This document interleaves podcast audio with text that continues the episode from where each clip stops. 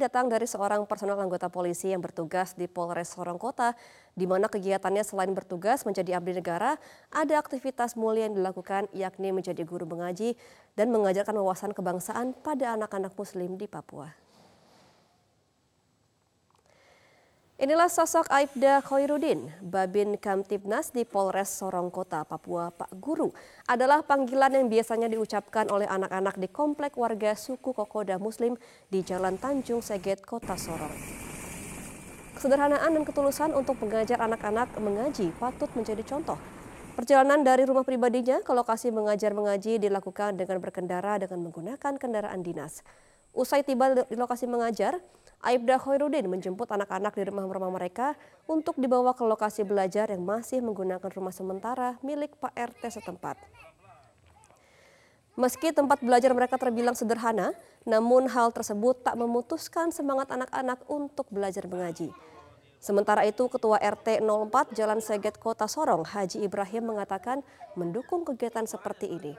Ibrahim juga menambahkan saat ini lokasi belajar anak-anak menggunakan sementara rumahnya dan jika musim penghujan lokasi rumahnya ini rawan banjir sehingga menjadi kendala. Kami bersyukur bahwa kehadiran beliau ini benar-benar membimbing anak-anak yang ada di sekitar eh, Bapak sini atau di lingkungan sini. Akhirnya kami juga bersyukur atas anak-anak kami yang sudah bisa banyak belajar mengaji sudah kenal huruf Arab ya sudah sehingga bisa jadi orang yang bisa uh, ke depannya bisa pakai anak-anak itu. Nah, salah satu anggota polisi di Polresta Cirebon berbagi kebaikan dengan membagikan makanan kepada orang yang tidak mampu.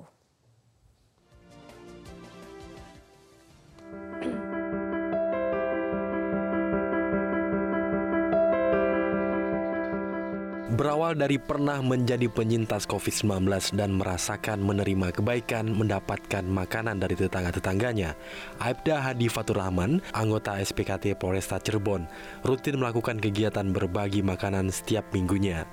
Dibantu istrinya, mereka menyiapkan makanan untuk dibagikan kepada warga yang kurang mampu di lingkungan sekitar rumahnya. Kegiatan berbagi seperti ini sudah dilakukan sejak dua tahun silam dan dana yang dikeluarkan dari penghasilannya sebagai seorang anggota polisi dan juga penghasilan istri yang berjualan online. Lebih saya juga termasuk penyintas pernah mengalami uh, sakit itu setiap hari saya dikirimin makanan oleh tetangga, oleh teman-teman, oleh segala macam. Mungkin itu mengingatkan saya untuk saya bisa berbagi. Dan mungkin ini salah satu cara saya untuk menitipkan diri saya, menitipkan keluarga saya. Suatu saat mungkin saya juga tidak selamanya menjadi polisi. Pensiun, berbaur kembali bermasyarakat, kembali ke masyarakat. Kegiatan berbagi yang dilakukan Aibda Hadi Fatur Rahman ini sejalan dengan program yang ada di tempat kesatuannya, yakni program Satu Hari Satu Kebaikan. Jadi satu hari satu kebaikan ini kita laksanakan oleh seluruh jajalan anggota Polresta Cirebon. Ada anggota Polresta Cirebon sebanyak 1.398 personil yang terus-menerus kita turunkan untuk melakukan kegiatan tidak hanya dinamika Kamtipmas melalui kegiatan patroli maupun juga kegiatan-kegiatan preventif, tapi juga melakukan kegiatan-kegiatan untuk membantu masyarakat apa pun itu utamanya adalah masyarakat yang membutuhkan bantuan. Diharapkan dengan kegiatan berbagi seperti ini dapat menjadi contoh bagi orang lain sehingga bisa membantu terhadap sesama lebih banyak lagi.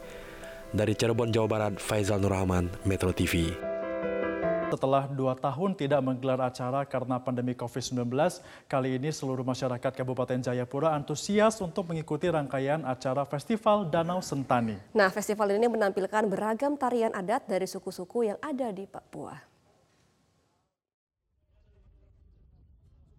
Festival Danau Sentani merupakan rangkaian acara memperingati Hari Kebangkitan Masyarakat Adat Jayapura yang ke-9 sekaligus diselenggarakan bertepatan dengan Kongres Masyarakat Adat Nusantara yang keenam. Festival Danau Sentani digelar di Pantai Kalkute, Jayapura, Papua sejak tanggal 24 hingga 30 Oktober 2022. masyarakat setempat sudah merindukan gelaran Festival Danau Sentani yang biasanya diadakan setiap tahun. Seluruh masyarakat berbondong-bondong hadir dalam festival ini untuk menyaksikan beragam tarian adat serta mencicipi kuliner khas Papua. Tarian yang ini ada di belakang nih apa? Tarian adat Sentani nih. Kami pengen lihat, pengen nonton. Ada uh, paduan suara, mungkin ada Yospan, kita pengen nonton Yospan juga. Harapan kami ya mungkin tiap tahun harus ada kah? Kemarin kan nggak ada toh dua tahun. Jadi tiap tahun ini kan hiburan kami orang Kabupaten Sentani. Jadi kita pengen tiap tahun ada. Menurut Koordinator Bidang Side Event Kongres Masyarakat Adat Nusantara ke-6, Parson Horota, ada sekitar 20 sanggar budaya Papua yang siap memeriahkan gelaran Festival Danau Sentani tahun ini. Pembukaan Festival Danau Sentani ini menampilkan tarian ikonik Sentani, yakni Iso Solo, tarian Robong Holo, tarian Yahin, tarian adat Biak berjalan di atas bara api, serta penampilan dari band-band lokal Papua. Nama Sanggar, Sanggar Hehera dari Kampung Sere. Terus sebentar tarian yang kami mau bawa tuh tarian Robong Holo yang menceritakan tentang keagungan Gunung Siklop. Dalam lagunya tuh apa menggunakan bahasa Sentani. Tidak hanya penampilan memukau dari para penari, namun hal yang menarik adalah Panitia Kongres Masyarakat Adat Nusantara ke-6 telah menyediakan lebih dari 100 tenda gratis bagi pelaku usaha mikro kecil menengah atau UMKM. Para UMKM lokal Papua bebas berjualan di tempat-tempat yang tersedia. Selain memperkenalkan produk-produk unggulan Papua seperti noken, tas-tas yang dibuat dari kulit kayu, kemudian hiasan kepala, hingga beragam kuliner, Pameran UMKM lokal ini bertujuan untuk menggenjot pertumbuhan ekonomi daerah pasca COVID-19. Dari pameran ini banyak UMKM-UMKM yang kita libatkan dalam rangka bagaimana pameran atau sekaligus kita meningkatkan pertumbuhan ekonomi dari pemerintah Kabupaten Jayapura sendiri tetapi yang lebih penting adalah bagaimana masyarakat mendapat dampak daripada kegiatan ini terutama pendapatan masyarakat dari ekonomi kreatif yang dikembangkan oleh setiap masyarakat maupun yang dibina oleh pemerintah sendiri. Acara Festival Danau Sentani yang berlangsung dari sore hingga malam hari tersebut juga turut mengundang kehadiran Bupati Jayapura, Matius Awaitau, dengan disambut tarian adat suku Biak. Dari Kabupaten Biak Numfor, Bupati Jayapura digiring menuju ke tengah-tengah masyarakat. Ternyata tarian adat Biak ini mempertunjukkan atraksi berjalan di atas bara api. Selanjutnya kaki Bupati Jayapura bersama kaki penari dilumuri dengan minyak. Menurutnya, orang yang akan berjalan di atas bara api harus memiliki jiwa yang bersih agar apinya tidak melukai kaki. Ini akan menjadi salah satu destinasi yang unik dan menarik. Eh, kita harus kembangkan terus karena eh, bukan saja sekedar orang datang ke situ, tapi sagunya itu yang kita harus angkat terus. Orang bisa menikmati berbagai produk dari sagu itu, macam-macam bisa dinikmati di situ dan itu menjadi ciri khas di bawah di dusun sagu itu bisa dikembangkan banyak hal-hal yang menarik. Atraksi yang ditampilkan dalam Festival Danau Sentani ini menarik perhatian seluruh pengunjung yang berkumpul. Dari seluruh rangkaian acara Festival Danau Sentani, seluruh elemen masyarakat adat, khususnya di Kabupaten Jayapura berharap agar budaya Papua dapat terus dilestarikan turun-temurun dan tidak hilang seiring dengan berkembangnya zaman.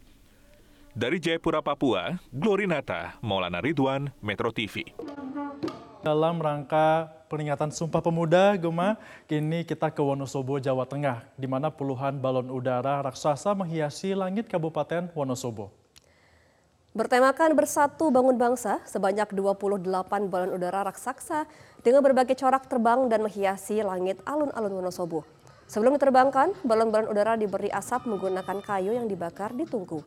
Agar tidak membahayakan lalu lintas udara, penerbangan balon udara ini raksasa ini ditambat menggunakan tali dengan batas ketinggian 70 meter. Dan selain memeriahkan Hari Sumpah Pemuda, penerbangan balon udara ini untuk menyatukan semangat persatuan dan rasa cinta para pemuda terhadap tanah air serta mendorong pariwisata di Kabupaten Wonosobo.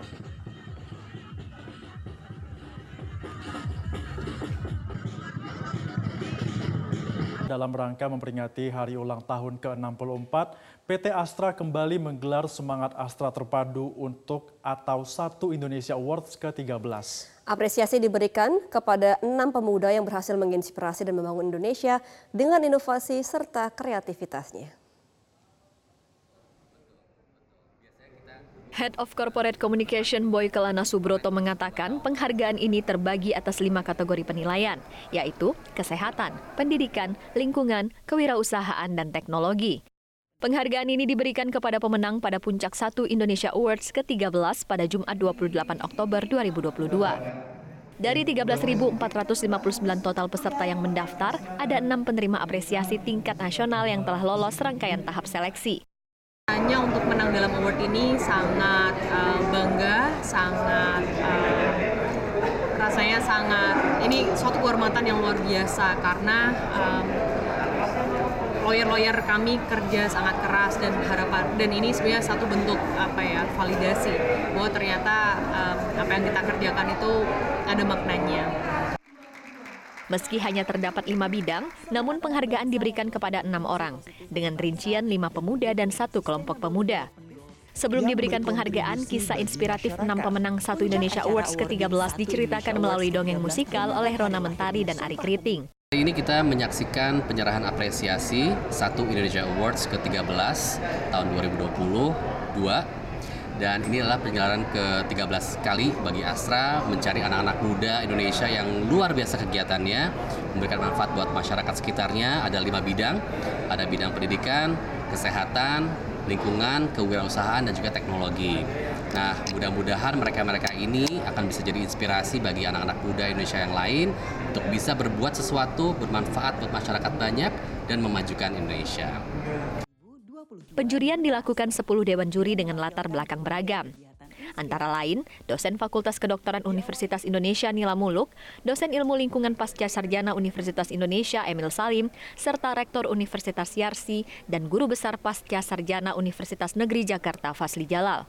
Kemudian juga terdapat pendiri Institut Bisnis dan Ekonomi Kerakyatan Tri Mumpuni, pakar teknologi informasi Onowe Purba, Direktur Utama PT Tempo Inti Media Tbk Arif Zulfikli, pegiat seni Dian Sastrowardoyo, founder Young on Top Billy Bone, Head of Corporate Communication Astra Boy Kelana Subroto, dan Head of Environment and Social Responsibility Astra Dia Suran Febrianti.